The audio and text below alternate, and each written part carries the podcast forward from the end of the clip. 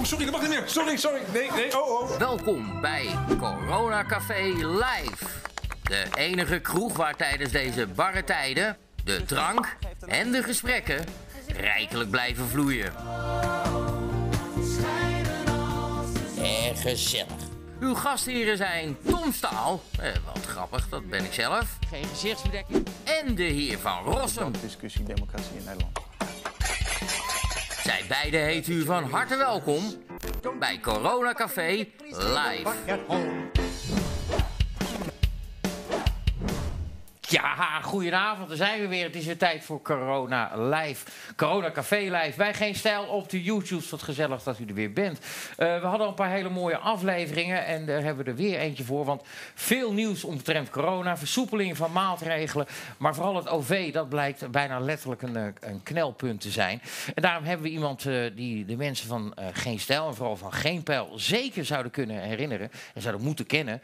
En die ook nog eens een keer hoog in de boom zit bij de NS. Dus we gaan uitgebreid met hem praten over mondkapjes en OV. En over wat er allemaal nog meer eh, op dit moment in Nederland speelt. Dames en heren, mag ik een hartelijk welkom en applaus van achter de computers voor Alpi. Dankjewel. De Goedendag. gekjes zijn hele Ja. naam niet uitgesproken. Ik wil, was mijn eerste vraag. Sorry. Wat is nou jouw hele volledige Turkse naam? Eh, ja, dat is eh, best wel lastig. Ja? Maar dat, je kan het ook in het Engels lezen, dan is het Alp de King. Maar jij gaat me geen koning noem- noemen. Dikke dus, kans van eh, niet. eh Nee, Alp de King. Alp de op de kin. En Ja. dan verder? Actogan. Actogon. Act, actoon. Je moet die G inslikken, dan is het actoon. Net als in Brabant. Ja, net als, nee, in Brabant is ja, die G, hè. Dat, dan is het. Ja. Hey, maar vertel even voor de mensen die jou misschien nog niet Ja. kennen. Waar moeten wij eh, vooral bij geen stijl van kennen? ja, ik heb vier jaar geleden hebben we het referendum eh, gedaan hè, als Was vrijwilliger. dat niet Jan Roos die dat deed? Ja, Nee. dat denkt hij. Maar Oh. die zat, dat- ja, ja, goed. Ik weet niet of ik het mag zeggen, maar die Nee, zat... die eh, zit je te plagen. oh, goed. maar je hebt veel gedaan met een geen pijl. Ik heb heel veel gedaan met geen paal. Ja. Ik, heb echt, eh, ik was een van de gouden vrijwilligers destijds. Heel veel eh eh, geflyerd, eh, dat soort dingen. En eh, ik had wel een, een groep in Utrecht eh, die ik aanvoerde. En eh, we hebben ervoor gezorgd dat we dankzij onze campagne eh, destijds eh, de kiesdrempel hebben gehaald. Of Ja. de drempel, eh, van, Opkomst- eh, opkomstdrempel, opkomstdrempel hebben gehaald. En eh, best wel trots op. Ja, goed. Ja. Maar je werkt bij de Nederlandse spoorwegen. Klopt. En eh, wat doe je daar precies? Ja, ik ben medewerker. eh, oh, wacht, ik ben Marokkaan en burger, zoals eh, Baudet dat zou zeggen. Een Marokkaan in burger, ja, ja. ja. Dus, Controleer je gewoon kaartjes? Ik controleer eh, al in burger, nee. medewerker veiligheid en service. Dat zijn de BOA's eh, in die gele pakken met Jij bent een boa? Ja, ik ben een BOA, ja. Je mag, dus je mag een eh, boete Ja, uitschrijven. ik, ik mag jou een boete uitschrijven als ik jou tref. Ja. Maar jullie controleren helemaal niet op dit moment. Ja, dat is niet helemaal waar, hè? Oh. Dat is niet helemaal waar. Het is, we zijn wat terughoudend vanwege de gezondheid van onze collega's. Hè? Dat moet niet in gevaar komen. Maar dat er geen controle is niet waar. Dus je moet in alle tijden nog steeds een kaartje hebben in de trein, ja. Hè, je bent nog scherp. Eh, je bent eh, welkom in het coronacafé. Wat Ja. wil je drinken? Ik wil graag een cola. Mijn moeder kijkt, dus het is Oh. Ramadan. Oh. Cola mag niet al wel? Is het al donker? Ja, dat is zondag. Ja, het is hier donker, toch? Ja. Nou, ik heb het toevallig weer klaarstaan. Eh Dankjewel. ik schenk het ondertussen voor je in, maar ik we, we hebben een vaste sidekick. En eh, die kent ook iedereen bij Geen Stijl. Hij schrijft onder de naam van Rossum, maar u kent hem ook als Bart van Nijnam. Bij, Nijman, klappen dan de mensen. Hier alsjeblieft een colaatje. Gezellig. Wat fijn. Super. Zo Bart, hoe heb je de week overleefd? Blij met de versoepelingen? Eh, ja, eh, nou ja. Ze zijn er nog niet, de versoepelingen. Ze zijn aangekondigd. En eh, Rutte heeft gisteren ook gezegd dat eh, de aankondiging dat terrassen op 1 juni open gaan, 1 juni weer open gaan, eh, geen garantie is dat dat ook gaat gebeuren. Dat bekijken ze pas de week van tevoren. Dus het is allemaal nog een beetje onzeker. Versoepeling zie ik eigenlijk ook zonder het beleid langzaam maar zeker op straat wel. Want je ziet gewoon steeds meer mensen buiten. En je ziet het steeds drukker op straat. Zeker nu het afgelopen week weer mooi weer was. Het is hier in Amsterdam op straat is het per dag drukker. In het park op straat, bij de winkels. Maar daarbij zie je dat mensen wel eh, blijven solidair, een beetje houden. De regels worden wel in acht genomen. Ik heb zelf nog steeds geen enkel incident meegemaakt van mensen die elkaar in de weg zitten. Dus ik denk dat eh, het is in ieder geval een goed moment om de boel wat te gaan versoepelen. Want mensen beginnen op natuurlijke wijze al wat te versoepelen. viel mij wel op dat, eh, dat Rutte ook zei dat ze er niet zozeer op gaan handhaven. En echt vertrouwt op de burger dat hij zich aan de, die versoepelingen die komen, dat hij zich dan voor, vervolgens wel regels houdt. Denk je dat dat zo werkt, dat de burger Ja, dat ik zelf denk, kan? Ik denk dat in de afgelopen tijd, je las af en toe wel eens, dat er werd er ergens een, was een keer een kroeg, die had de voordeur dicht, maar de achterdeur open en daar werden 50 mensen binnen eh, beboet. En eh, her en der is er een keer een zuipkeet gesloten en een paar mensen in het park hebben wel eens een boete gehad. Maar over het algemeen eh, heb ik niet de indruk dat er heel veel beboet en gehandhaafd moest worden om mensen in het gareel te houden. Mensen hebben gewoon uit zichzelf een soort solidariteit betracht met afstand houden en zorgen dat je elkaar niet ziek maakt. Of in ieder geval rekening houden met het feit dat anderen misschien wat banger zijn dan jij, of verontrustig zijn dan jij, of zwakker van gestel zijn dan jij. Goed, eh, dames en heren, mocht u vragen hebben voor Bart Nijman, voor mij of voor Alpi betreffende OV of waar die ook allemaal verstand heeft, want er gaat overal commentaar op geven, zou u dan willen reageren onder het topic. Dus vergeet lekker even YouTube, onder het topic reageren.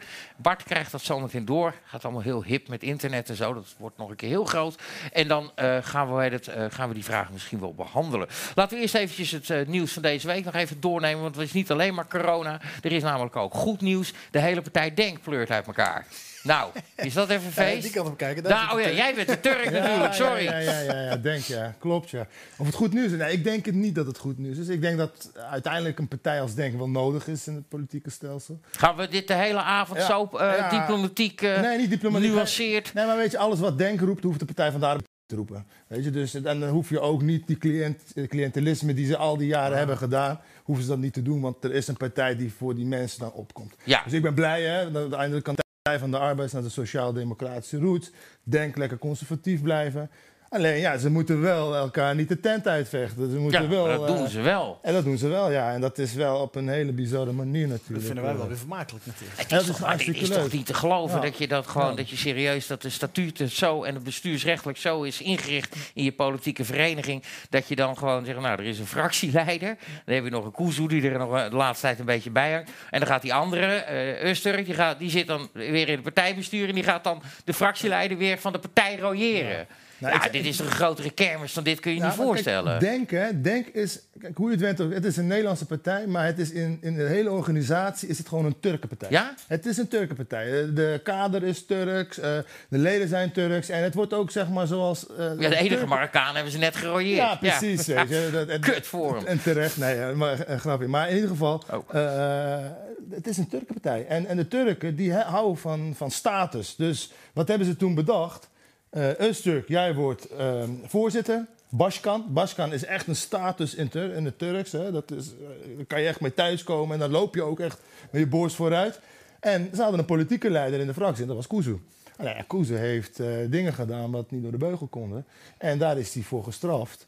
Alleen, door de, ja, door de Baskan. Gestraft door de Baskan.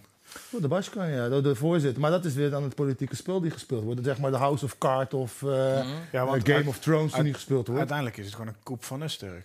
Het is, het is uiteindelijk, het is, kijk, het is niet een koep van Öztürk. En dan moet je even terug in de geschiedenis. Het is ehm, een koep, er was een koep in planning te- van eh Kuzu en Azarkan.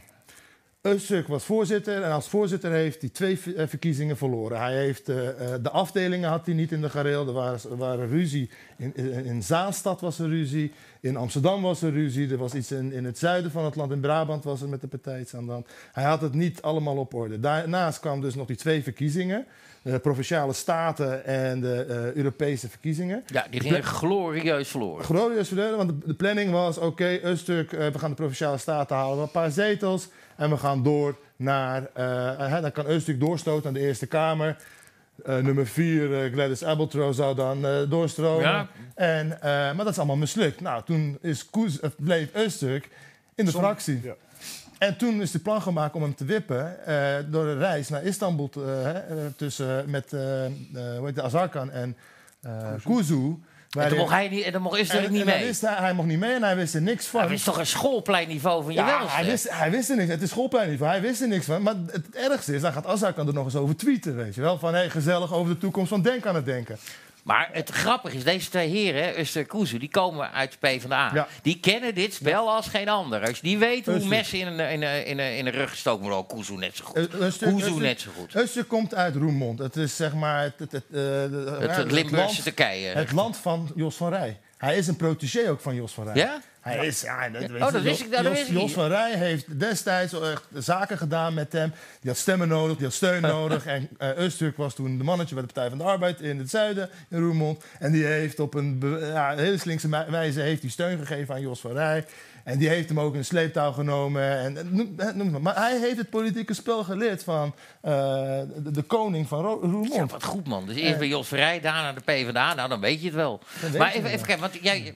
Hij is, ook, hij is ook niet zo... hij komt nogal een beetje lomp en dommig over, maar dat is hij echt niet. Rustig. Ja. Oh, dat is een, hey, dat is een sluwe vos, Dat is een sluwe, Echt, eh, ik spreek veel met hem ook als de camera uitstaat. Dat is een apart mannetje. Maar jij, hebt- jij, jij hebt Turkse roots. Hè? Ja, Je bent geboren in Nederland, maar en daar ben je trots op. Dus, dus daar ga ik even vanuit. En anders donder maar lekker op. Nee, nee, nee. Maar, Zegt de Duitser. zegt, zegt de, de huisprijs. Inderdaad. Nee, maar gaan wij er even om. Hoe valt dit bij de Turkse achterban? Ja. Vinden die dit interessant? Of is het zoals in Italië, wat je met, eh, met hoe heet het zag? Maar eh, hij, hij is wel Turks, boenge boenge Turks zijn. Nederlander, maar Ja. geen denkachterban. Nee. Nee, maar je weet wel, het gaat mij hoe, hoe, de- hoe, hoe de Turkse gemeenschap Ja. op zoiets reageert. Ja, het, het is echt bizar. Hè? Kijk, uiteindelijk Kuzu heeft iets gedaan wat niet kan. Hij heeft, ja, weet je, laten we het, hè, eh, wat was het? Grensoverschrijdend gedrag. Nou, dat was aanranding. Een aanranding van een, een, eh, zijn buitenechtelijke vriendin. Ja, ja. Eh, die zei op een gegeven moment, ik wil niks meer. En hij ging verder. En, nou goed, dat, dat heeft hij gedaan. Dat wordt gewoon vergeven. Dat wordt door die achterban van Dat wordt vergeven. Wordt gewoon vergeven. Ik denk, wat En maar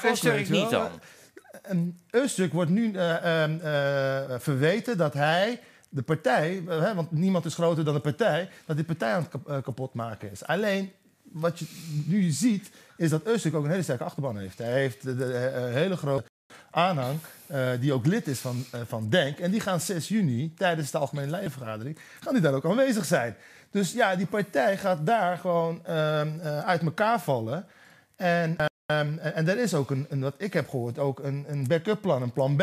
Dus dat er een doorstaat gaat eh, komen eh, Door- bij, doordenken. eh, door Kuzu en Azar. Doordenken, ja, dat is Ja. wel een hele makkelijke. Ja. Nadenken, Ja. wat komt er nadenken? Ja, ja, ja, ja, helemaal goed, heel goed. Maar goed, dat is Denk. Er was eh, nog een partij die dacht, daar kunnen wij makkelijk overheen qua machtspelletjes binnen de partij.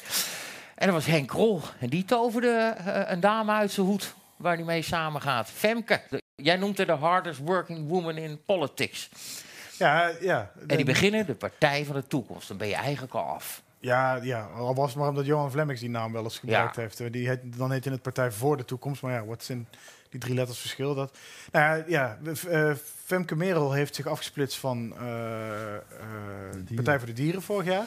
Is als eh, is één pitter doorgegaan. En nou, er zijn mensen die vinden dat zetelroof, die vinden dat vreselijk. Ik vind zetelroof helemaal niet zo'n probleem. Eh, vooral niet omdat zij haar zetel goed gebruikt. Als je kijkt naar Van Haga, die de VVD verliet, die is alleen maar bezig met hoe kan ik het huisjesmelkers nog makkelijker maken. Want ik ben de lobbyist voor huisjesmelkers in de Tweede Kamer nu. Mm. En je ziet haar echt haar best doen om op bepaalde dossiers echt mee te komen. En niet de makkelijkste dossiers. Belastingdienst zit ze goed bovenop. Eh, de CETA-dossier zit ze goed bovenop. Eh, nou, er zijn er nog een aantal waar zij echt hard op werkt en het best doet. Maar ze weet ook, voor een verkiezing, als ik dit in mijn eentje, de campagne in moet, verkiezingen in moet proberen, in je eentje maar eens als één vrouwspartij. Ik geloof dat haar man haar soort fractiemedewerker is. Eh, probeer dan maar eens eh, herkozen te worden. Het is logisch dat ze ergens vaste grond zocht. Daardoor ik, was ze Henk al een Krol beetje... dan de juiste keuze Ja, ze is. was al een beetje bij Henk Krol aan het eh, oplijnen. Ze was al eerder bekend geworden dat zij eh, een soort van duo-fractie zouden gaan vormen.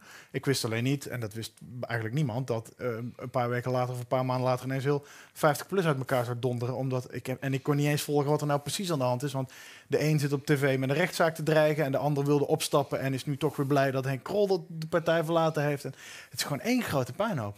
En het, het, het, het, het, het, het rare is, eh, om even uit te zoomen naar de huidige situatie. Er is een coronacrisis gaande. Dan wil je dat de oppositie scherp is. Dat ze een goede kritische oppositie voeren, kritische vragen stellen waar nodig is. Zeker waar blijven de mondkapjes, waar blijven de tests? Waarom is Hugo de Jonge nog steeds met die fucking idiote app van hem aan het sleutelen? Eh, en ondertussen zijn gewoon partijen uit elkaar aan het vallen. Er zijn gewoon Ja. de ene afleiding na de andere. Denk eens een puinhoop. Forum voor Democratie gaat het niet zo lekker. Eh, eh, 50PLUS is nu geïmplodeerd en eh, wordt nu twee keer 25PLUS of zo. Of, of Nou, maar, maar ik wil er even op inhaken. Want wat mij echt tegenvalt van Henk Krol en zijn 50-plus-partij... is dat hij eh, eh, zijn ding is opkomen voor de ouderen. En de ouderen hebben het in dit land best goed. En wat ga je doen op het moment dat die oudjes je nodig hebben? Je gaat je ruzie met Ja, elkaar rug maken. Ja, maar dat is toch... Dat is niet waar je ervoor bent. Zelf geïntubeerd op, in buikligging op een IC, eh, op een politieke IC liggen. Ja, Ja, dat ja maar dat klopt toch maar, wel niet? maar vergeet ook niet dat, kijk, ik vind het, ik, ik heb hem wel eens eh, één of twee keer ontmoet en, eh, en dan zegt hij altijd, zeg maar Henk hoor. Het is een ontzettend aardige Nee, lieve dat man. Alleen het is de grootste charlatan in de Tweede Kamer. Die man is, heeft een oudere partij begonnen dat hij de pensioenen van de oudjes wilde redden. Maar hij werd bij de, bij de gaykrant waar hij ooit de baas was, werd hij gepakt omdat hij de pensioenen achterover Ja, en daar is hij ook weer van vrijgesproken, Ja, even in his defense. Ja, maar, maar dat vind is- ik... Nee, maar daar hebben we wel een rechtssysteem voor. Als iemand dan daar uiteindelijk weer voor vrijgesproken is, moeten we ook zeggen, oké, klaar. Het is wel een, het is een, het is een charmante man. Het is ook een charlatan. Mijn vader zou er niet op stemmen, heeft hij gezegd. Nee, natuurlijk niet. Dat- die- die- wat krijg je dan? Alleen maar moties voor. En we moeten ook denken aan de ouderen. En we moeten ook denken Ja, aan de ouderen. en we moeten ook denken. en, eh, Dan moeten we ook, daar niet van. Alleen, alleen maar dat vragen maakt nog geen beleid. Nee. Ja, ik zie ook Oh. niet waar ze zich mee gaan profileren. Kijk, weet je, de ouderen profileren zich met de ouderen, de dieren met de dieren. Ja. Waar gaat de nieuwe partij zich mee profileren? Nou, met de toekomst. Ja, ik weet niet wel, eh, welke partij dat niet zou doen. En, uh, Maar ook de standpunten. Helemaal Henk niks gaat het helemaal opnieuw doen, hoor. Die gaat... niks Ik vind zeggen, het- de standpunten. Allemaal holle frases. Redden. Femke Merel vind ik het vooral voor haar zonde. Ja. Ik bedoel, Ja. ik gun het haar van harte dat ze samen met Henk misschien, dat het misschien wel lukt. Maar ik, ik zou haar iets beters gunnen. Ja, goed. Maar goed, ik zou ook niet weten waar dan. Maar vooralsnog blijf ik haar de hardest working woman in eh Ja, misschien de piraten. Dat ze Ah, die, ja, eh, die ja. toch alsjeblieft nou, niet nog een dat, eh, poging ik wagen. denk- d- Daar Ja. heb ik de hoop van opgegeven. Te praten. Trouwens, Ja. over 50-plus-partij was ooit een briljante actie van onze oude filmpjesmaker Jelte, Jelte Sondij. Die zat toen bij Rambam. En die hadden de statuten uitgepluist van 50-plus. En hebben op een ledenvergadering onderbroken om een motie in te dienen. Ze waren lid geworden met de, met de hele bubs.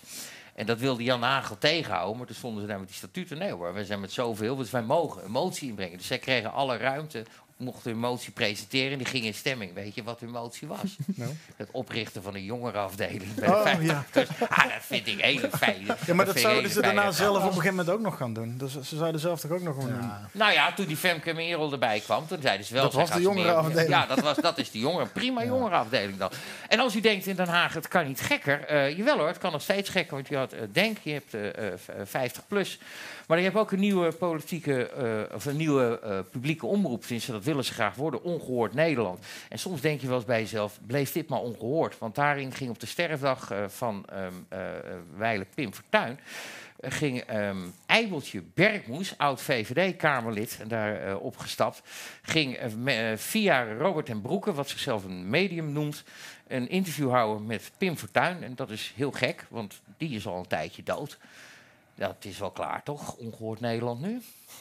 Ik zag nog best wel veel mensen die dat toch proberen te verdedigen of toch Ja? uitleggen. Of, eh, ja, hun verhaal altijd een beetje, we willen alle geluiden laten horen. We Ja, willen, alle, we willen ruimte laten aan geluiden die, die, die ongehoord zijn. Wat op zich geen raar streven is. Alleen het oprichtingsidee leek te zijn, wij willen een NPO, eh, een eigen omroep binnen de NPO die geluiden vertegenwoordigt die niet vertegenwoordigd worden. En het enige wat ze doen is ofwel eh, heel hard tieren tegen de bestaande NPO. Nou, dat is altijd een slecht idee.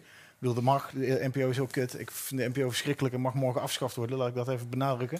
Maar eh, het heeft geen zin om een omroep op te richten om te zeggen dat alle andere omroepen stom zijn en fout zijn en alleen maar links zijn en noem al de clichés maar op.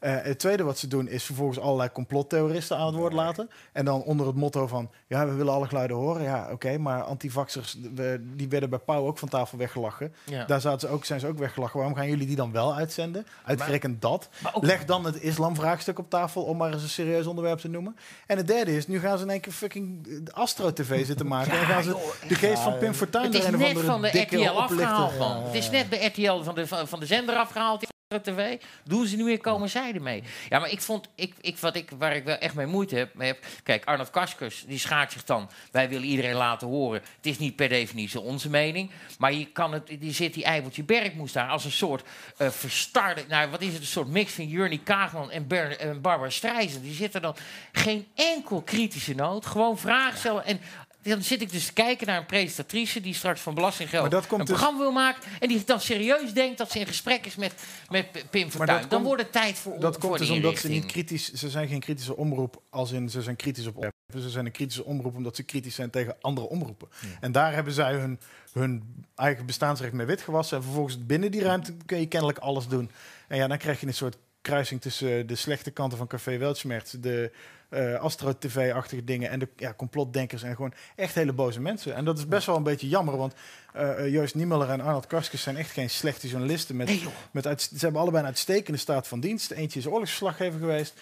En, en ja, op een of andere manier zijn ze op een pad beland waar, nou ja, ik, ik, ik zou het wel, ik durf het wel een doodlopend spoor te noemen. Maar, Nee, maar als, ze dit, als ze dit gekke channelfilmpje niet gemaakt hadden, Fortuin Channel, dan had je, hadden we het hier nu niet over gehad. Hadden we Nee, het maar ja, waarschijnlijk nooit over ze eh, gehad. Dat is altijd. Want het is, het is, een, het- het is een, een omroep die op, eh, op, op YouTube bestaat en op Twitter en daarbuiten helemaal nergens. Nee, nog niet. Nog Nou ja. Dat op kan, deze manier kan. krijgen ze in ieder geval aandacht. Nee, maar denk dat als- het doel was. Maar Als dit zeg maar de NPO zou zitten, dan is dit het grootste argument om te bezuinigen bij de NPO. Ja, toch wel. Ja, ja. dat is toch zo belachelijk. Weet je. Je gaat, eh, deze man, eh, er was een mooi briefje van eh, Jan Dijkgraaf vandaag. Die, eh, weet je, die man is al eh, eh, ontmaskerd als zijnde eh charlatan. Dus Robert ja. en Broekie, maar die was al met Irene Moor. Bij in Carré had hij het over genverbranding. Genverbranding. Maar het was jeneververbranding, omdat er vroeger een jeneverstokerij stond. Smerig spul trouwens. Dat bier is trouwens beter. Eh, we gaan een beetje naar eh, de corona eh, toe, want straks mag je in het OV alleen nog maar reizen met een mondkapje. En of dat nou slim is, daar gaan we het uitgebreid over hebben. Maar we vonden nog wel een leuk oud parodiefilmpje terug. Dus daar gaan we heel eventjes naar kijken. Mies in de tram. In de tram. Mies zit in de tram. Daar komt oma. Mag ik daar zitten? Ik ben oud en een beetje moe. Op die oude grafdak, zegt Mies. Oma moet huilen. Mies is blij. Nu kan ze lekker blijven zitten.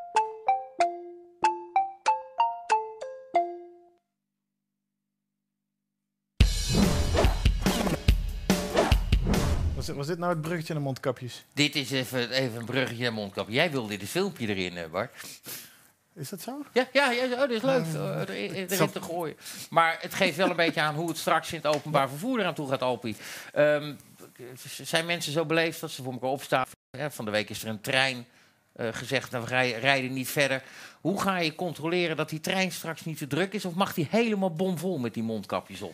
Ja, dat, dat is nog maar de vraag. Hè. De, eh, Rutte en Co. hebben dit eh, geroepen. Hè. En de, zaken moeten de komende twee weken echt uitgewerkt worden. Dat is nog niet uitgewerkt. Dat zie je ook bij de andere besluiten van, eh, van het kabinet. Ze roepen eerst iets en dan hebben ze twee weken de tijd om dingen zeg maar, uit te werken. En dat zie je precies hetzelfde. Hoe gaat het te werken? Ja, ik weet het niet. Ik weet ook niet hoe het gaat werken. Maar ik ben wel heel blij dat de mondkapjes er zijn. Want ja, weet je, niet alleen voordat ik bij NS maar Nederland moet weer in beweging komen. En, en de trein, OV, is gewoon een middel waardoor je Nederland weer in beweging krijgt. Waardoor je weer, hè, we hoorden het ook de afgelopen dagen, weer mensen eh, naar hun werk kunnen, naar, naar, naar, naar familie kunnen of whatever. Maar ja, het Eh, is ook een, eh, een, ja, een soort bacillentrein, zeg maar, een bacillenvervoer. Ja. Eh, de kans op besmetting is daar groot als er veel mensen op elkaar staan en dergelijke. Ja. Hoe ga je, maar hoe gaan Ja. jullie dat dan regelen? Nou ja, weet je, ik, ik, ik persoonlijk vind dat we dat niet in het domein van de vervoersbedrijven moeten doen. Een buschauffeur moet niet gaan bepalen, hè, die, die moet je niet lastigvallen dat, dat die een bus aan de kant moet zetten of zo. Eh, het is de verantwoordelijkheid ook gewoon van de mensen zelf. Als jij denkt, je moet, op het moment dat je uit huis stapt, dan moet je gewoon bij jezelf eh, bewust van zijn dat er dus een volle trein of een volle bus terecht kan komen. Dus wil je die risico nemen, dan ga je verder mee je reis. Wil je risico niet nemen, ja, dan moet je bij jezelf vragen of je die reis wil maken. Maar is dat En- slim om die, om die keuze bij, eh, bij de, men, bij Bij de, burger zelf, neerleggen? Ja, absoluut, absoluut. Ik denk dat de mensen hier hebben de afgelopen maanden eh, gezien. Hè, eh, we hebben die afstand bewaard, zelfs in de supermarkt, waar mensen met karretjes om je heen eh, anderhalf meter afstand namen. Ik denk wel dat moment dat er dus volle treinen komen, volle bus, dat mensen bewust die risico nemen om een trein of een bus te nemen. Eh, dus eh, ja, dat ze dan ook die risico willen nemen. Eh, Maar, eh, Maar- en mondkapjes gaan wel werken. Mondkapjes, ja, mondkapjes komen straks We, uitgebreid we, we zagen foto's van treinen waarin dus eh, stickers hangen. Waar bij iedere vier plaatsen zit op drie plaatsen Ja. sticker. Hier niet, hier niet, hier niet zitten. En dan op de vierde plek mag je wel zitten. Als die mondkapjes straks ingevoerd worden, mag je weer op alle vier de Ja. plekken zitten. Ja. Nou, dat, is, zijn- dat, is, dat is waar ze die voorbereidingen Ja. waren bij de NS. Maar die zijn nog niet. Die rijden Nee. nog niet. Nee. Maar die zijn ook eigenlijk niet meer nodig, begrijp Nee, ik. Die, die, wat je, die foto's die jij ook in de topic hebt gezet, hè, wat je in de topic kan zien, die zijn niet meer van toepassing. Hè. Op het moment dat je dus in die anderhalf meter meter-samenleving zou komen, dus zonder de mondkapjes, had je dat moeten doen hè, om maar dat- uiteindelijk maar- maar zeg heel maar, even- veilig te kunnen vervoeren. Heel even eh, op inhaken. Want wat jij eigenlijk zegt is dat NS heel veel voorbereidingen heeft Ja. gedaan. Ja. Eh, ervan uitgaande dat we, dus dat we anderhalve meter afstand zouden houden in de trein. Maar inmiddels is gezegd dat kan niet. Dat, dat, Nee, dat gaat niet lukken. Nee. Dus we gaan voor de mondkapjes. Dus de NS heeft eigenlijk werk voor niks gedaan. Ja, we hebben eigenlijk, wij- nou goed, niet werk voor niks. Je, Hoezo? je moet altijd zeg maar, vooruitdenken. En, en, en het vooruitdenken ga je dus die maatregelen die je zeg maar, eh, moet toepassen om eh, anderhalf meter te waarborgen, moet je gewoon, eh, die moet je gewoon uitwerken. En dan heb je het dus over En- dingen als dat je op, in de stationshal eh, rode linten om de bankjes, dat mensen niet bij elkaar kunnen gaan zitten. Ja, bij wijze van, ja. dat, dat Maar, zijn, die, die- maar vooral in de trein, hè, van wat jij hebt gezien, hè, die foto's ook. eh, die, eh, dat betekent op het moment dat je dus een anderhalf meter samenleving hebt, dat je op drie bankjes niet kan zitten en op één bankje wel. Ja. Nou, dan kan je dus nooit eh, eh, zeg maar 20% of zo van de mensen vervoeren wat je normaal gesproken vervoert. Nee, oké, en maar dan dat is, kom dat je is als beetje... Nederland ook niet in beweging. Nee, maar dat is een beetje wat natuurlijk in heel Nederland gaat spelen. Ook met de horeca die straks open gaat. Eh, nog geen een derde van je omzet gaan halen. En dat zal met vervoer ook zijn. Maar je, eh, je, je, ga- je zegt, we gaan nu gewoon weer de normale dienstregeling Ja. rijden. Iedereen mag er in principe in, mits die een, een mondkapje gebruikt. Maar er is nog een andere oplossing hè, voor- voor- om dit probleem te tackelen. Alleen dan komt Nederland een stuk moeilijker in beweging. Dat was onze gast van vorige week, Marianne Zwageman. Heb je vorige week gekeken? Ik heb het stukje gezien. Je hebt ik haal er even een klein stukje uit, want Marianne Zwageman, onze liefstallige gast van vorige week, die denkt toch eigenlijk dat het makkelijkste is en het beste voor heel Nederland als we dat hele OV maar gewoon afschaffen. We kijken nog even een klein stukje terug van vorige week. Marianne Zwageman. je ziet, is Rutte zit dus in een denkpatroon van als ik iets nu vrijlaat, gaan mensen in een trein. En dan zitten ze dicht op elkaar en dan raakt iedereen besmet. Dan denk ik, nou, dan is dit een mooi moment om te zeggen, laten we afscheid nemen van het hele OV. Ik heb vandaag daar een aantal voorstellen voor gedaan. Eh, laten we ons inrichten op een OV-loze maatschappij. Eh, want dan kan die lockdown er meteen van af. Hé, lekker, Red Bull, suikervrij. Eh, nou, dat moest ik even zeggen nog van de dingen. Afschaffen maar het OV. Jij geen baan meer, eh, laat je maar omscholen. We stoppen met de treinen, we stoppen met de trams, we stoppen met de bussen.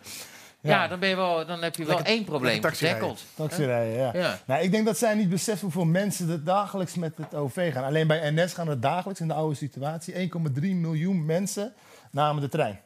En dat is dus, als je zegt van we schaffen OV af, hè, dus schaffen de trein af, dan moet je dus die 1,3 miljoen mensen die dus van A naar B moeten, moet je op een andere manier moet je die gaan vervoeren. Ja, verplaatsen, verhuizen, verspreiden over Nederland. Dat is haar ja, idee. Ja, volksverhuizing, weet je. Ik, ik ken uit de geschiedenis voorbeelden waarin volksverhuizingen niet echt eh, gelukkig waren. En eh, vooral in het land van herkomst eh, van mijn ouders. Maar goed, nee, dat gaat niet werken, Tom. Je gaat, kijk, dat, dat, dat- dan kom je ook nog eens in de vrijheid van de mensen, hè, vrijheid van beweging. Ik heb het recht om te wonen waar ik wil wonen in binnen Nederland. Hè. Eh, behalve in Duindorp in Den Haag, daar kom ik niet in. Maar Nee. dat is weer een andere Dat discussie. laatste plaatsje, wat Ja, nog, laatste dorpje, wat, eh, wat nog dappere strijd biedt. ja, eh, ja, ja. precies. En, nee.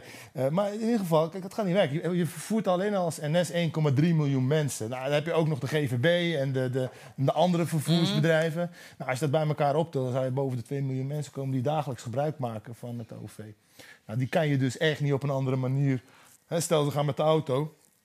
Daar heeft er echt goed over nagedacht. Ja, nee, nee, Nee? nee? Nee, dat gaat er niet worden. Nee, wij zijn... eh, OV is massatransport, hè, dus massa vervoeren, mensen, massa's mensen vervoeren. Eh, in de Tweede Wereldoorlog deden we dat ook, maar dat, liep niet goed af. Maar het, het is het vervoer wat de meeste mensen kwijt kan. En, eh, en d- d- daar, daar, daarvoor is het OV. En als jij in, in een volle trein duizend personen binnen een half uur van Utrecht in Amsterdam kan krijgen, dan betekent dat de economie en de Nederland beter in beweging komt. Nou, dat, daarvoor is het OV. Binnen een half uur met de auto of met een ander transport kom jij echt niet, eh, als je geen OV hebt, van eh, Utrecht naar Amsterdam in een half uur. Nou ja, met de auto is het in principe vanaf dat je op de snelweg bent, is het ook een half uur. En je moet van huis natuurlijk ook eerst op je station komen voordat je in de trein kan stappen. Dus Ja. ik denk dat Amsterdam-Utrecht misschien niet het beste voorbeeld is. Maar goed, als er iedere, trein, iedere uur duizend mensen in die trein zitten die allemaal ook op de weg zouden zitten, dan wordt de weg natuurlijk, dan gaat het wel een uur duren of anderhalf. Ja, je, je zit- Of je moet er een tienbaans A2 van maken, twee kanten op in plaats van. Ja, maar dan zit je over vijf jaar weer met hetzelfde. Het wordt alleen maar drukker. Want die, eh, het is vijf baans geworden naar Utrecht. Eh, ja, ik, ben, ik ben geen fan van de trein en ik gebruik hem ook niet zo vaak. Maar ik ben wel blij dat heel veel andere mensen het wel doen. Want dan heb ik in ieder geval iets meer ruimte op de weg.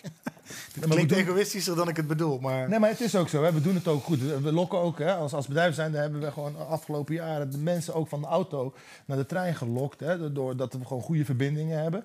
Eh, waardoor de automobilist die echt niet met het OV wil, eh, ook wat lucht kreeg op de snelwegen. Eh, en en dat, dat is ook zeg maar een, een voordeel van een OV hebben. Nou, schaf je dat allemaal af, dan zitten we met z'n allen va- vast op, eh, op de A2.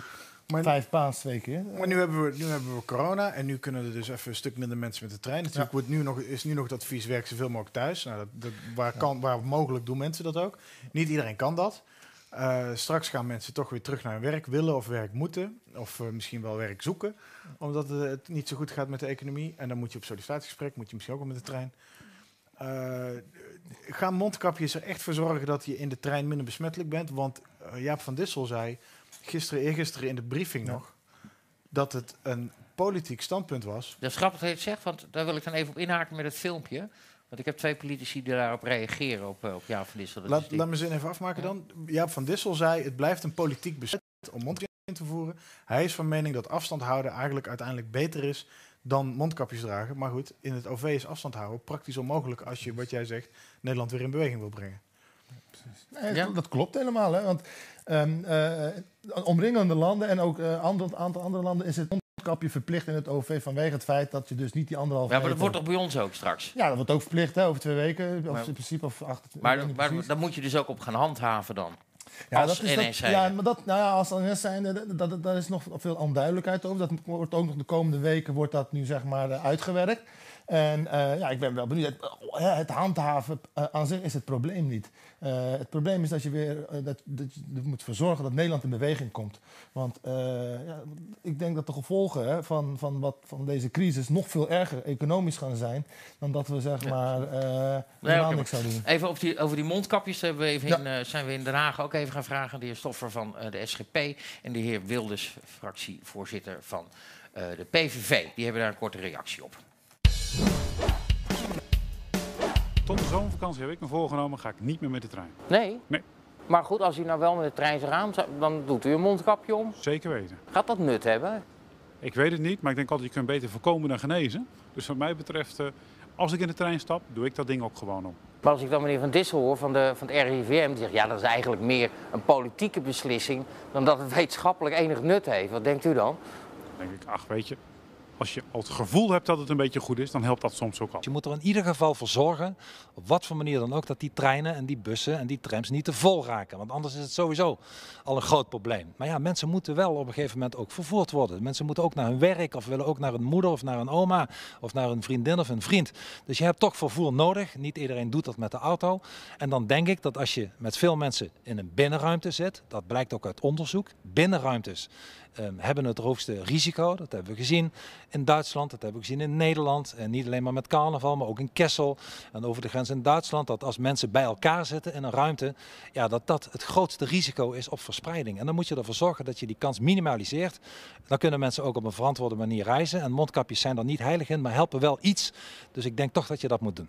Weet je, als ik de straat oversteek en ik kijk niet naar links en rechts, is de kans heel groot, zeker in deze tijd, dat het prima gaat. En toch kijk ik even naar links en rechts. Dus naar mondkapje, al heb je maar een kleine kans. Ik zou hem gewoon omdoen. U weet af en toe ook niet wat u zegt, hè? Dankjewel. Oh, hey, dank u wel. Fijne dag. Ja, Annie, ehm, eh, mondkapjes dus. Ehm, die zijn sowieso in de dan zometeen verplicht. Eh, anders kom je er niet in. Wie gaat daar... eh, staan er grote mannen bij de schuifdeuren van de treinen of bij de poortjes? Ga jij het in de gaten houden? Jij bent van de veiligheid en service. Ja.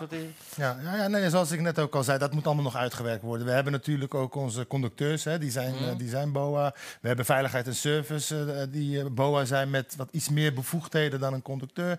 Ehm, de, de vraag is of je, of, of je ook de conducteurs hiermee wil belasten. Hè. Die, die hebben primair de taak om die trein op tijd te laten vertrekken en eh, de deuren daarvan te sluiten.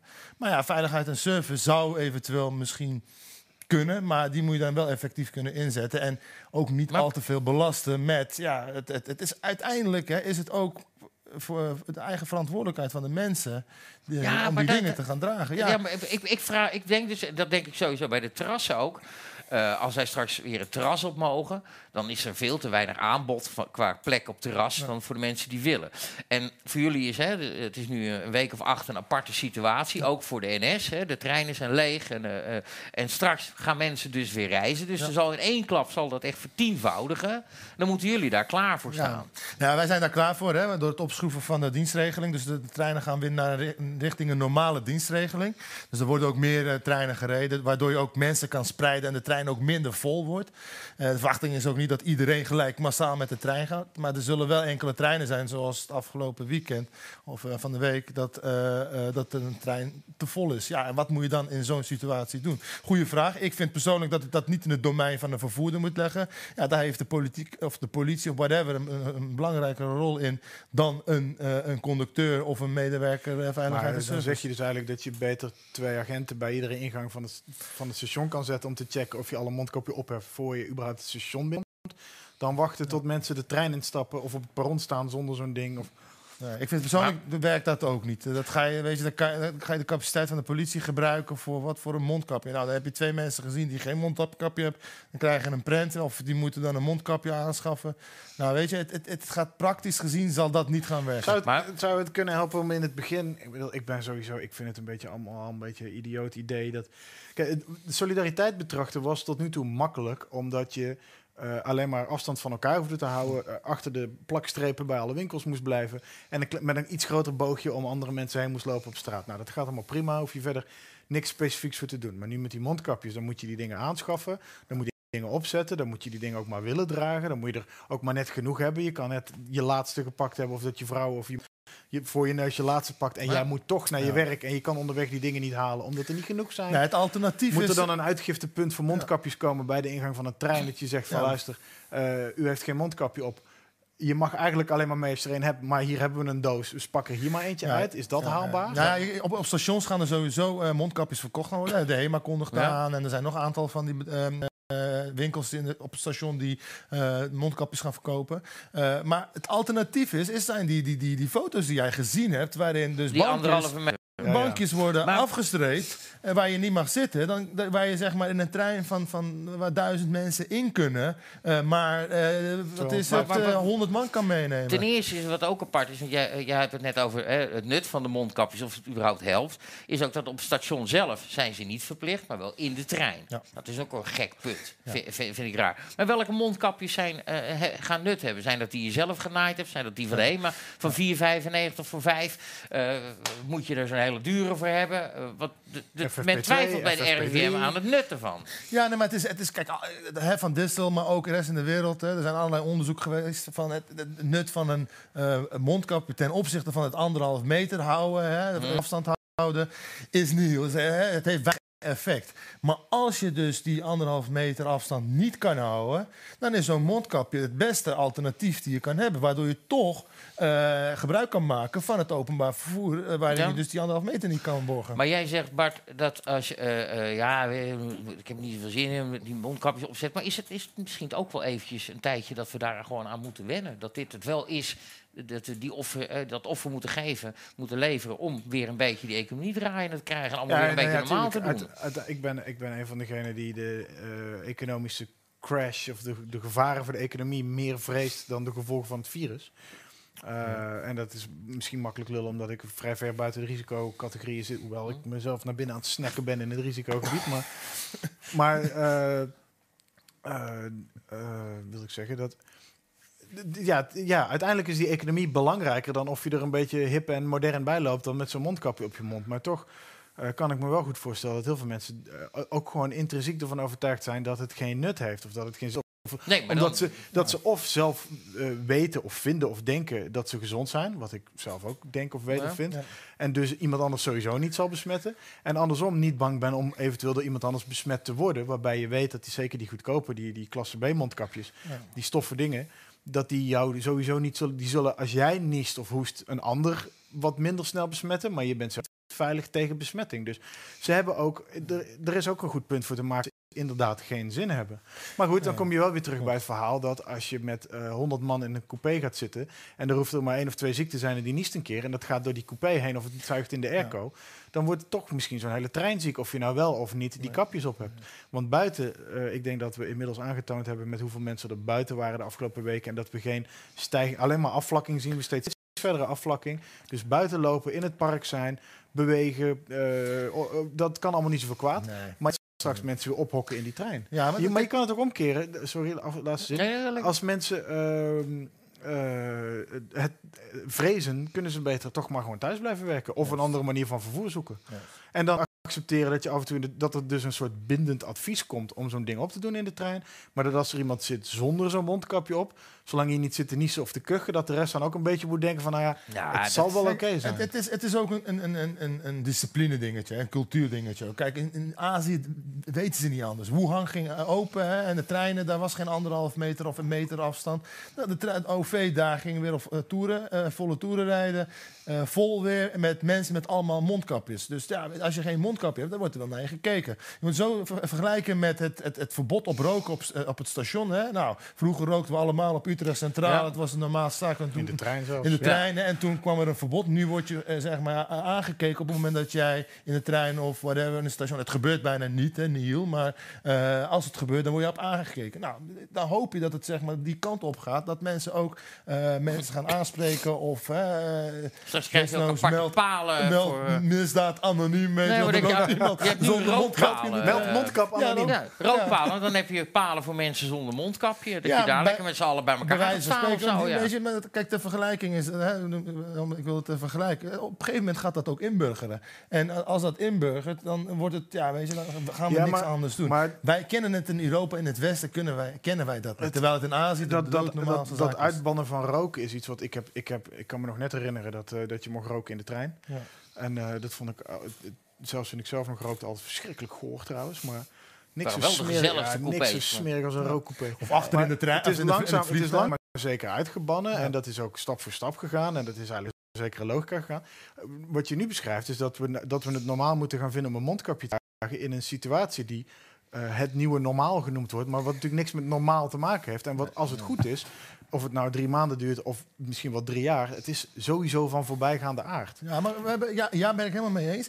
Maar we willen ook weer zeg maar, naar het oude, oude situatie willen we terug. Hè? En daarvan zegt ook het kabinet, daar hebben we gewoon een vaccin voor nodig. Zolang er geen vaccin is, kunnen we dat al die dingen niet gaan doen. Niet meer Want ik, ik, ik, ik, ik ben het helemaal met jou eens. Hè? Want economische gevolgen van, van deze crisis kennen ze weer gaan niet. Maar om dat zo in, in te perken...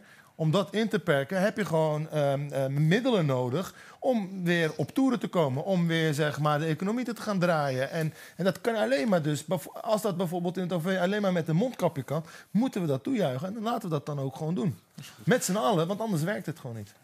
We hebben een vraag eh, uit het publiek, zeg Ja, maar. Het die reageert sluit- publiek, dus we gaan even schakelen even over naar die Bart van Nijman. Die je, je maakt er gewoon iedere keer iets anders van. hè? Wat anders. Ik noem je gewoon Van Rossum, sorry. ik heb een zware nacht achter de rug, mensen, excuus. Je noemt, je noemt me ook sowieso nooit bij mijn eigen naam. Dus. Oké. Eh, een vraag of een stelling voor Alptekin. Oneens met Alptekin over eh, handhaving. Hij zegt de NS, of een reaguurder eh, Three-Headed Monkey zegt... de NS-medewerkers mogen best wat meer bevoegdheden krijgen om te handhaven als er te veel mensen in de trein stappen. Want de politie heeft al andere dingen te doen. Jij bent, ik, ik, eh, ik, ik trek het hier ook een klein beetje op. Ik snap deze vraag wel. Want jij zei, je, je hebt handhavers, je hebt boa's. Die Ja. moeten, je, je conducteurs moeten de deur op tijd sluiten en de trein laten vertrekken. Eens. Maar boa's hebben wel een soort handhavingsfunctie. eh, waarbij mensen volgens mij ook willen... Ik, kan, ik ben geen mondkap-fan en ik ben ook geen treinreiziger. Maar ik kan me goed voorstellen dat mensen die braaf een mondkapje opzetten en in de trein Ja. stappen. En iemand zien zonder mondkap, waar dan zo'n treinboa eh, een beetje zo naar kijkt van... hmm, en niks doet, dat dat ergernis wekt. En dat, dat mensen dan denken, ja, moeten we nou zelf ingrijpen? Of Ja. wat was nou de bedoeling? De eis is toch dat... Nee, klopt. Als je, als je ziet dat eh, zeg maar, ehm, onze uniformen die lijken ook die, heel erg op die van de politie. Dus er is ook een verwachting van, van het Mhm. publiek eh, van hey, er gebeurt hier iets, grijp in. Alleen is natuurlijk beperkt in zijn bevoegdheden. Daarom is het ook een, BOA. Anders zou het een Mhm. algemene opsporingsagent, eh, opsporingsambtenaar zijn. Ehm, ja, weet je, dat, dat, moet gewoon, dat, dat moet nu de komende twee weken uitgewerkt worden. Het kan zo zijn dat die BOA met, met geweldsbevoegdheid, hè, die in die gele uniformen eh, of, eh, of eh, ik de, ik dat de die zeg maar wel bevoegd gemaakt worden. En, En dat soort situaties. eh, Laat ik de stelling eens een beetje omdraaien. Als een eh, boa een zwartrijder in de trein pakt, dan denken de meeste mensen, ja, lekker belangrijk. Ik heb vroeger ook wel eens zonder kaartje van A naar B geprobeerd te komen. En dan zullen ze. Vaak zie je dat als er een situatie is dat eh, burgers niet zo snel in zullen grijpen. Of, of zelfs vaak denken, ah, daar heb je weer zo'n kut boa met zijn. Die denkt ook dat hij macht heeft. Een beetje die reactie krijg je waarschijnlijk vrij vaak. Terwijl in deze situatie is het iets waar we met veel meer mensen, veel collectiever in zitten. Dat de kans dat een boa meer steun krijgt als hij wel handhaaft bij iemand die geen mondkapje heeft, groter is. Wat eigenlijk een aanmoediging zou kunnen zijn om het wel te doen. Ik zit Ja. hier nu verdomme zelf voor een soort boa-staat. Ja. Ik hoor ja, nee, heel Ja, maar- goed, heel goed. maar je kan- ga ik ook kan- uitknippen en maar- bij ons in de groep gooien. Ik, wil, hè, ik, dat, ik, ik trek hem ook eventjes door. eh, Ja. In die zin, hè. Ik, reis heel veel met de trein. Ik ben op zich groot fan van, eh, van het openbaar vervoer. En vooral van de trein. Ik, ik maakt het niet uit. ja. Ehm, er zijn eh, eh, trajecten in Nederland waar wat eh, vervelend volk eh, komt. Hè. Je hebt zo'n zo'n zo'n Ja. zo'n rail- zo'n rails, zo'n traject langs eh, Zoetermeer bijvoorbeeld. Daar zijn altijd wat grote jongens, wat groter dan jij van beveiliging, zijn daar aanwezig. Eh, denk je niet dat, eh, en, op de, en tussen Amsterdam en, eh, en, en Utrecht is dat, is dat, is dat niet. Eh, denk je niet dat dat zich op een gegeven moment, dat het gewoon bij je takenpakket gaat horen, dat dat er een beetje Ja. bij hoort? Ja, er, zitten, er zullen eikeltjes tussen zitten, vervelende gasten bij zitten. Het zijn dezelfde gasten die, die, die rotzooi lo- lopen te trappen, die herrie maken. Denk je niet dat, dat dat het een beetje wordt, dat het wel een beetje gewoon wordt en dat het gewoon in je takenpakket Ja. is en dat er een uitzondering zal zitten en op die, op die vervelende lijnen dat er wat meer zal gebeuren en op de gewone lijn dat het gewoon goed gaat? Nee, precies. Maar uh, Grapperhaus heeft destijds toen hij met dat eh, noodverordeningen kwam, hè, het, het, het format of model noodverordening voor de, voor de veiligheidsregio's, heeft hij ook gezegd. De BOA's in het OV-domein, die worden ook bevoegd gemaakt of, of om de anderhalf meter eh, maatregelen te gaan Ja. handhaven. Nou, uiteindelijk hebben alle vervoerbedrijven in Nederland gezegd van nou, dat gaan we niet doen omdat het praktisch niet werkt. Eh, want het is in de trein, in de, op de stations, Ja, is het gewoon duidelijk. niet te doen. Nou, prima, weet je wel. Dat heeft Grapperhaus gezegd van oké, maar hij was er niet mee eens. Hij adviseerde dringend om toch te wel. Kijk, nu kom je in een andere situatie. Kom je wel in het domein van die OV, eh, waarin een mondkapje verplicht eh, wordt. Mhm. Alleen de vraag is van ja, zolang die wet nog niet klaar is en, en zeg maar de sanctionering daarvan voor het niet dragen van een mondkapje, zolang dat niet klaar is, weet ik ook niet wie er bevoegd gaat worden. Het kan zo zijn dat onze ja. BOA's, eh, eh, mijn, Ja. mijn collega's, Het is nog even afwachten. ja, het is nu afwachten, het is allemaal nog niet uitgewerkt. Zie je, het, zie je het op dit moment überhaupt al drukker worden in de trein Ja. weer? Ja. Ja, ja, ja. ja, ja. Het, het, het- gelukkig. Eh, Dat meen ik echt gelukkig, want het, uiteindelijk moet Nederland gewoon weer in beweging komen. En eh, Nou. de economie moet weer gaan draaien, jongens. Het, het, het staat stil. Hè. Het is, het, het- dit, deze crisis, hè, wat dat voor gevolgen gaat hebben op, op Nou, de MKB, op de, ook op de grote bedrijven. Dat gaan we Eh, pas over een half jaar merken. jongen. ja, Dat is nou ja, echt, het, be- het, het- het- De eerste faillissementsgolf. Ja, dat- komt. Het was al 35% meer dan Ja, in 36, dezelfde ja. periode vorig jaar of zo. En dat zijn dan vooral, zullen eenpittig zijn. Er zullen ook wat mensen zijn bij wie het al niet zo lekker ging en die de, de kans grijpen om nu om te vallen. Eh, maar het, het, is, het, zijn, het is wel een heel hoog percentage. Je kan niet alles daarachter verstoppen van. eh, Nee, maar, Heb je nog een vraag toevallig? Eh, ja, waar jij dit, eh, bij welke kapper je dit eh, toffe jaren 50 kapsel Ja, gehaald even hebt. de tyfus met z'n allen. Ik, ga me- ik ga mijn kapper bellen, echt serieus. Twee dagen voordat die hele irritante kut-lockdown begon, had ik een afspraak bij mijn kapper. Ja, dus even geen zeik over mijn haar. Deze twee heren naast me, die hebben helemaal geen behoefte aan een kapper. Dat kan ook. Ik heb, ik Zo, heb verder gewacht. nog een opmerking, mensen? Gezellig, vrijdagavond. Ik heb, ik heb gewacht. Ik, wilde, ik hoopte bij de vorige persco dat de kappers weer open zouden mogen. En dat mocht niet. En het werd echt, het werd echt een zootje. Dus heb ik het zelf maar gedaan. Heb ik nu een beetje spijt van. Als ik iets langer gewacht had, had ik mijn kapper weer kunnen helpen. Eh, maar goed, die zullen vanaf volgende week niet om werk verlegen zitten, denk ik. maar geen, Maar geen, mensen, ik geen, beloof eh, u, ik ga vanavond als ik klaar ben, dat duurt niet al te lang meer, dan eh, zal ik een bericht sturen mijn kapper. Wie, wie vroeg dat? Eh, dezelfde reaguurder Three-Headed Monkey. Die, eh, had u ook nog... als hij, als, hij, als hij zijn three heads vol wil maken, moet hij er nog eentje stellen. Dan, nou, dan moet hij opschieten, eh, we maar zitten bijna aan het einde. Geen, eh, geen schuurtje waar een kapper aan het werk was bij jou om de hoek? Nee, nee, ik ben altijd een hele keurige jongen die zich altijd aan alle regels houdt. eh. Behalve dat ik de afgelopen twee maanden echt al geen tijden meer een treinkaart hoe, zit je Dat wordt toch niet gecontroleerd. Dus- hoe zit jij daar zelf in op je werk? Want jij, Ja. eh, je, komt vrij, je, bent, je, je hebt die economie, eh, Ja.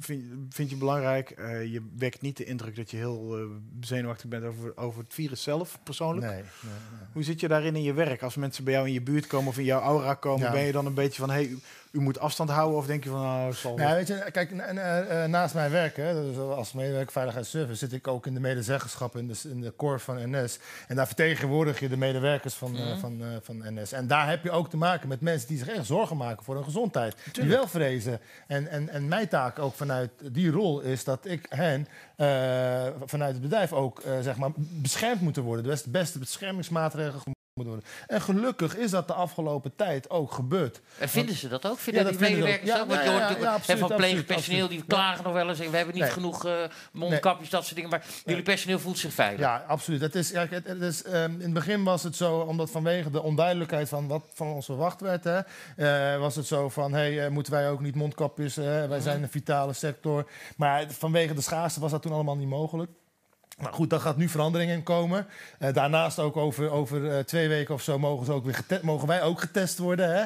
Als e- Zou eerder dan. eh, ja. Eh, dus dat, dat, eh, en, en het bedrijf heeft ook echt alles aan gedaan om de conducteurs, de machinisten, de, de, de, de servicemedewerkers, de monteurs, eh, allemaal een veilige werkplek eh, te, te, te creëren. En ja, dat hebben ze gewoon heel goed gedaan. Dat heeft Maar bakken hoe- met geld gekost. En hoe waren dan in de- deze Ja, crisistijd waren waarin niks binnenkomt. Hè? Dat, Hoe- dat ook even. Hoe waren dan de eerste reacties op, op het nieuws van nou, de, NS Ja. gaat straks weer normaal rijden met mondkapjes op, maar wel met meer mensen, Ja, normale dienstregeling. Ja, waren die eerste ja. reacties dan? Nou, omdat, je, kijk, omdat wij niet een volledige dienstregeling reden, waren ook een aantal mensen Ja? thuis omdat er geen werk was. Nou, die mensen zijn ontzettend blij dat ze nu weer aan de slag mogen.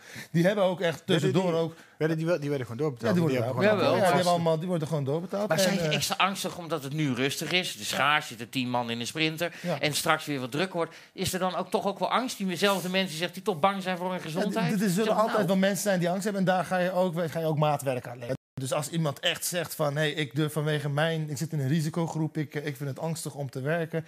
Daar wordt naar geluisterd, daar wordt ook, hè, dat hebben wij gewoon ook bedwongen vanuit de MZ, vanuit de medezeggenschap, van hé, eh, hou rekening mee dat mensen misschien niet veilig voelen om te gaan werken. Ga daar verstandig mee om. Dus gelukkig heeft het bedrijf dat ook omarmd. eh. Het zal nog wel een tijdje duren natuurlijk voordat de treinen weer net zo vol zitten als ze ooit zaten. Ja, mijn eerste prognose, wat ik ook denk, is dat we eerst richting de 40, 50 procent. Kijk, wij, wij plannen eh, de, de treinen, moet je je voorstellen, hè, vooral in drukke treinen, tijden, daar zaten gewoon, eh, er stonden ook heel Ja, tuurlijk, ja. Eh, en eh, dat zullen we niet krijgen, maar we zullen wel wat vollere treinen gaan krijgen. eh, eh, omdat we ook wat frequenter gaan rijden nu, een normale dienstregeling. Dus je gaat ook wat meer ruimte krijgen. En wat belangrijk ook is hierin, is, is het spreiden op de dag. Hè. Dus je hoeft niet per se om, om half negen die trein te nemen. Ja, neem, Ja, daar is men flink mee bezig. ja, maar neem Is drie treinen later. Is het nog een idee om een soort in, in iedere, iedere intercity eh, tussen twee grote steden een soort corona-coupé te maken waarin mensen die echt een beetje zenuwachtig zijn, maar wel echt met de trein moeten, toch eh, met een maximum aantal in een kleinere hoeveelheid in de coupé kunnen zitten? Ja, mag ik, ja. Ik, Ja. eh, dit is een suggestie. Het Ja. lijkt me logistiek heel Ik lastig. wil, maar dan wil ik ook weer gewoon dat eh, gewoon het, het, de, de, de treinrestaurant weer terugkomt. Ja, coro Ja, coronatrein. ja, ja. Je, je kan wel een corona, ja. ja. maar je zou bijvoorbeeld een coronatrein kunnen inleggen, weet je. Dat is een voetbaltrein waarin je die voetbalsupporters eh, zonder stoelen en weet ik veel wat vervoert. Je ook een coronatrein waarin je dus die, die, die, foto, hè, die, die, die coupés... Ja, eh, Hey, dat je dus wel die afgeplakte Ja. stoelen krijgt. en dat is een speciale trein, coronatrein. Maar, wel. voor het gevoel. ja. Voor het maar gevoel, even, ja. even, we gaan richting, richting het einde. Oh, ja. Vind je, is het ook ehm, toch ook wel even in jouw werk? Hè? Je zit in een ondernemingsraad, je zit een, doet een stukje veiligheid. Is het ook wel, eh, ook wel weer ja, mooi om te zien hoe dit gaat? Dat je dit meemaakt, hoe je dit kunt Ja, oplossen? Ja, mooi is een stom woord Nee, het, misschien. is, maar het, is, het zijn hele intensieve dagen, hè, want je bent bezig om ook een bedrijf eh, in, in, in leven te houden. Want ja, je ziet dat er geen reizigers zijn. Dat betekent ook dat er, dat er geen eh, inkomsten Nee. komen. En, en dat is niet alleen eh, bij NS, hè, maar je hebt ook bijvoorbeeld de Arrivas en de Keolis. Ja, ja. Dat zijn de kleinere eh, vervoersbedrijven.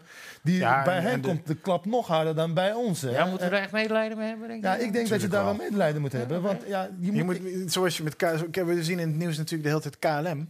En ik wil dat KLM behouden blijft voor Nederland als, Ja. als symbool van de Nederlandse luchtvaart. En, en ook, maar ook omdat het gewoon 30.000 banen of 30.000 Ja, families die leven van KLM. Ja, Je moet daar, je kan, ik ben geen fan van de trein, ik ben ook geen fan van NS per se. Maar ik, je wil wel dat het blijft bestaan, want het is een Ja. belangrijke Nee, dienstverlener. eens, eens. Het is een belangrijke werkverschaffer, het is een belangrijke economische motor. Ik ben, ik, ja, nou, nogmaals, persoonlijk blij dat ik er geen gebruik van hoef te maken. Maar je kan er ook niet zonder. Dus Nee, dat- nee, en maar- dat geldt, dat geldt in een paar van die, van die buitenregio's waar de Arriva's van deze wereld Ja. rijden. Eh, als ergens in Zuid-Limburg of in het noordoosten Ja. van Nederland waar die kleine lijnen rijden, die, eh, ja, noem, die merkjes maar. Ja, Als die Nee, daar nee, wegvallen, de buurtbus rijdt daar ook al niet meer, Nee, dan sluit je weer een regio af. Jongens, even iets anders. eh, we gaan, want we gaan nu echt, eh, echt Nee want, ik heb nog een, nee, want ik heb nog een vraag. Ja, oh, heb je uit- nog één vraag Ik heb, nee, ik heb hier nog een vraag en ik heb zelf ook nog een vraag. Dan moet je wel Oh opschieten. jee. Hoe, eh, hebben we ineens een klok op Ja. de... Is dat Oh, nou? jij moet de trein halen. Nee, Nee. je bent met de auto vanavond. Kom. Eh, vraag voor Alpi. Ik lees overal dat... eh, eh, oh, twee vragen. Sorry, Tom. Ik lees overal dat de IC's de druk niet meer aankunnen en compleet vol liggen. Maar de IC van Utrecht naar Amsterdam was vrijwel leeg vanmiddag. Hoe kan dat? Nee, het is, het is afgelopen week is er één trein, dat is een stoptrein of een sprinter die eh, vol zat. Eh, maar de, IC's kunnen de capaciteit aan. We kunnen ook nu, zeg maar, doordat we ook meer treinen gaan rijden, kunnen we ook zeg maar, meer reizigers vervoeren en de aanwas. Dus kom mensen, je kunnen gewoon weer, waar is de kamer, daar is de kamer. Je kunnen weer gewoon met de trein, pak die trein. eh, en, eh, Ja, en, dat eh, is het de jouwe. Die precies, die moet je hebben. Ja, er zijn zoveel. Oh, maar in ja. ieder geval, pak weer de Er staan trein. hier eh, 14 camera's. Veertien dus, nee, maar we kunnen, En de capaciteit, we kunnen de capaciteit. Andere, andere vraag was... De, even om heel kort nog te stellen, want we hebben dat hele BOA-ding eigenlijk al gehad. Maar Ja. is het geen tijd dat conducteurs middelen krijgen om zich mee te verdedigen, zoals pepperspray, een taser of een wapenstok? Zo. Ja, dat is een maatschappelijke discussie. Hè. Daar kan je voor tegen zijn. Waar is een BOA voor? BOA is in, in principe Ja. als eerste instantie een toezichthouder. Hè. En op het moment dat hij moet handelen, dan heeft hij dan de middelen om te handhaven. Dus het handhaven is geen doel op zich. Maar ja, er is ook een, een, een, eh, een lichting, of hoe noem je dat, een, een, eh, mensen die vinden dat handhaving wel primair eh, bij de BOA's eh, moet komen in plaats van een middel. Hè. Dus eh, eh, ja, dat, dat is een maatschappelijk discussie. Wat ik er persoonlijk van vind, is dat sta, eh, ik, ik vind er niks van. Ik denk als het nodig is, is het nodig. Als het niet nodig is, is het ook niet nodig. Heel diplomatiek, ja. Ja, eh, dat- Je hebt nog een beetje- rol natuurlijk bij de NS. Ja, maar weet je, ja, ja, ja en nee, maar het is, het is kijk, ehm, het zijn wel, eh, je moet het wel zien als beschermingsmiddelen. Het, is, het, zijn, eh, het, zijn, het zijn geen ehm, geweldsmiddelen. Eh, daar, zo moet je het Ja, interpreteren. ja, Maar als je, nou, el- als je dan weer er zo'n artikel, geweldsmiddelen- zo'n stuk leest Ja. in de krant... waarin, eh, eh, waar- waarin de- eh, dat weer iemand in zijn bek gespuugd is of neergeslagen is, weet je, dat lees je nog wel eens... Dan komen ook wel weer terecht de vragen van het personeel. Dat ze een betere Absoluut. beveiliging Ja, absoluut, en, en, en, dus misschien zo'n pepperspray. Ja, maar je, Andersom, kijk, maar, andersom zie je ook wel eens dat BOA's op het moment dat zij bepaalde eh, rechten krijgen, dat, dat er dan ook mensen die niet helemaal goed geschikt zijn om met die rechten om te gaan. Is dat niet altijd zo? Ja, exact. En Nee, bij politieagenten kom je dat toch minder Ja, vaak nee, tegen dan bij BOA's. Klopt. En dat weet je waar dat door komt, dan kan ik eh, gelijk antwoord op geven.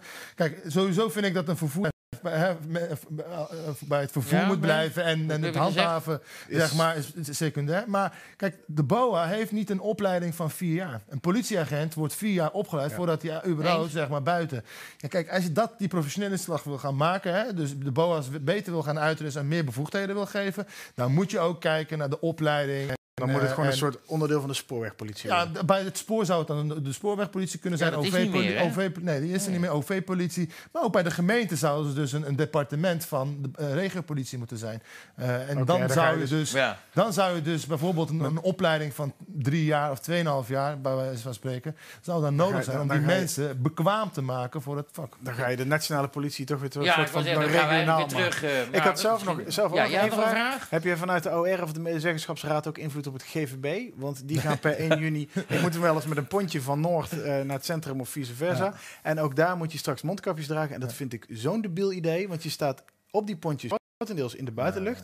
We staan... eh, eh, je vaart het Westhaven hier in Amsterdam, waar je meer giffen van, van, van de, van de petroleumopslag in het Westhavengebied binnenademt dan je ooit corona kan happen. Kun je daar even vragen of ze Ja. daar misschien iets relaxter willen zijn? Want ik wil dus zo'n ding niet op mijn muil. Maar ja, dat is GVB. Dat is geen daar heb ik niks mee te maken. Kun je Ja, de- pa- pass de- it on, pass it on. ja, als het, nou, de eh, Maar het staatssecretaris... waait daar eh, ook, hè, natuurlijk, of het water. Dus dat waait snel weer in je het waait snel van de boot af, zou ik dan Het zou weer eh, van de boot af. Altijd van je Heb je nog vragen? Heb je nog Eh, iets? Nee, dit kan nu nog. Heb jij nog een vraag? Nee, ik heb er nee, niks. Helemaal goed. Dan heb ik nog wel een vraag voor jullie. Zijn we nou eigenlijk een beetje met alle versoepelingsmaatregelen, de versoepelingen? Was er een moment, want jij, jij werd helemaal wel gek ervan, van die hele lockdown. Ben je, ben je een beetje gerustgesteld? Gaan het, kan mij, het kan mij nog steeds niet snel genoeg gaan om het inderdaad weer uit de lockdown te krijgen. Omdat ik echt. Ik, ik, zal, ik ben de eerste om toe te geven dat ik dacht: die hele corona die komt nooit naar Nederland. Dat waait wel Ja, ja. over. Dat gaat allemaal ons niet raken. Raakt het ons wel. Dus ik moest ook eh, veel later dan me lief was omschakelen naar. ah, fuck, we zijn getroffen en dit wordt best wel een puinhoop. Eh, ik denk ook dat degenen die het voor ons moeten regelen, onze volksvertegenwoordigers, ook te laat opgeschakeld hebben. Alleen dat durf ik niet al te hard te roepen, omdat ik het zelf ook niet door had. Maar eh, iedere dag dat het langer duurt, is, eh, is slecht voor de economie. En is denk ik Mhm. ook niet alleen voor de economie, maar ook voor mensen zelf. Wat je merkt bij mensen die bij jou moeten werken, die op een gegeven moment ook zien, ja, rijden hele lege treinen. Hebben ze straks nog wel eh, geld om mij te betalen? Heb ik mijn baan straks nog wel? Eh, mensen die thuis al zwaar hadden omdat ze misbruikt werden, kinderen die misbruikt werden, slechte huwelijken die nog slechter geworden ja, zijn. ja, ja. Al, die- al die psychologische dingen achter de voordeur die je niet ziet, die straks allemaal wel weer naar buiten komen. Eh, mensen die bang zijn en zich ook graag, gra- niet graag tussen aanstekens bang laten maken, die, eh, die maar niet zich kunnen losschudden van het idee dat als je naar buiten komt en er komt binnen anderhalve meter van iemand, dan ben je al ziek of iets. En mensen die steeds meer het tegenovergestelde beginnen te voelen. Terwijl ik, ik zit eigenlijk in dat laatste kamp, maar ik wil altijd iedereen heel Als beetje... je nog even doorgaat, dan ga ik Ja, jij stelt een vraag. nee, je, wordt, wordt helemaal, ik hoopte wat positiefs. Dat je, Oh ja, komt sorry, nee, ja. Nou ja, nee, ja, maar ik geloof het- oké, ik. Korte antwoord.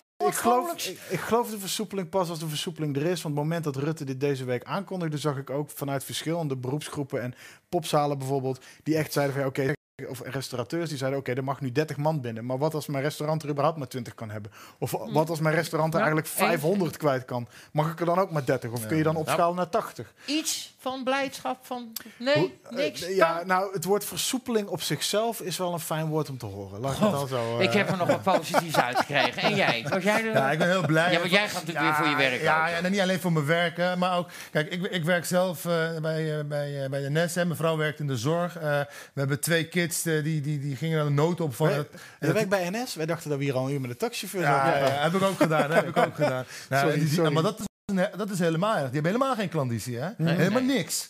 Ja, En, ja. en die zijn, meeste zijn gewoon Ik eh, ZZP'er of een VO. Ik heb bij een paar hele droevige Uber-chauffeurs in de auto gezeten de afgelopen maanden. Die eh, Ja, nee, echt ik. Daar komt helemaal niks binnen. 80% rittenverlies hebben. Maar ik ben heel blij, hè, op Ik jouw ga- vraag. Ja, Ga je nou, weg? praat verder hoor. Oh, praat nou, verder. Ik ik ga ben wat pakken blij, voor je. cadeautje pakken voor je. Oh jee. Ga verder, praat Dus dan. ik- ik- Praat dan! ja, is goed, man. Eh, nee, ik, ik ben heel blij. En de, en de versoepeling, ja, weet je. Het kan mij niet zo snel eh, gaan. Het moet veel sneller en veel sneller soepel. Ik wil op vakantie, ik wil die vliegtuig, dat vliegtuig in. Ik wil, eh, Moet opletten. ja. Hey. Er komt nog wat uit. Oh Nee. jee. God, wat een show. Flikker op. Ja, hier. Ik vond, Ja, ben je krijgt een echt geen stijlshirt, ook te bestellen Nice. gewoon op onze webshop, lieve mensen. Eh, verwarde man. Maar ik vind je eigenlijk best wel een helder verhaal hebben, Alpie. En wij zetten altijd een, eh, een muziekje op aan het einde. Dames en heren, volgende week om 9 uur weer Corona Café live op Geen Stijl op YouTube. Als iedereen daarachter, alle tweede mensen, weer meeklappen. En dat ik hier... Bart Nijman, oftewel Van Rossum. Yes, mijn naam goed uitgesproken. En rechtstreeks van de Nederlandse spoorwegen en geen pijlleger eh, soldaat. Alpie! En zoals altijd eindigen we. En ik was wel heel blij met de versoepelingen. Dus ik had er ook een fijn plaatje bij uitgezocht. Gewoon vanaf de single. En als het goed is in één keer goed. Ja. Is dit het origineel. En mensen blijven even tot na het outro hangen. Want er komt nog een leuk outtakeje met die knakker van de SGP. Fijne avond, tot volgende week. 9 uur op Geen Stijl. Corona Live. Doei!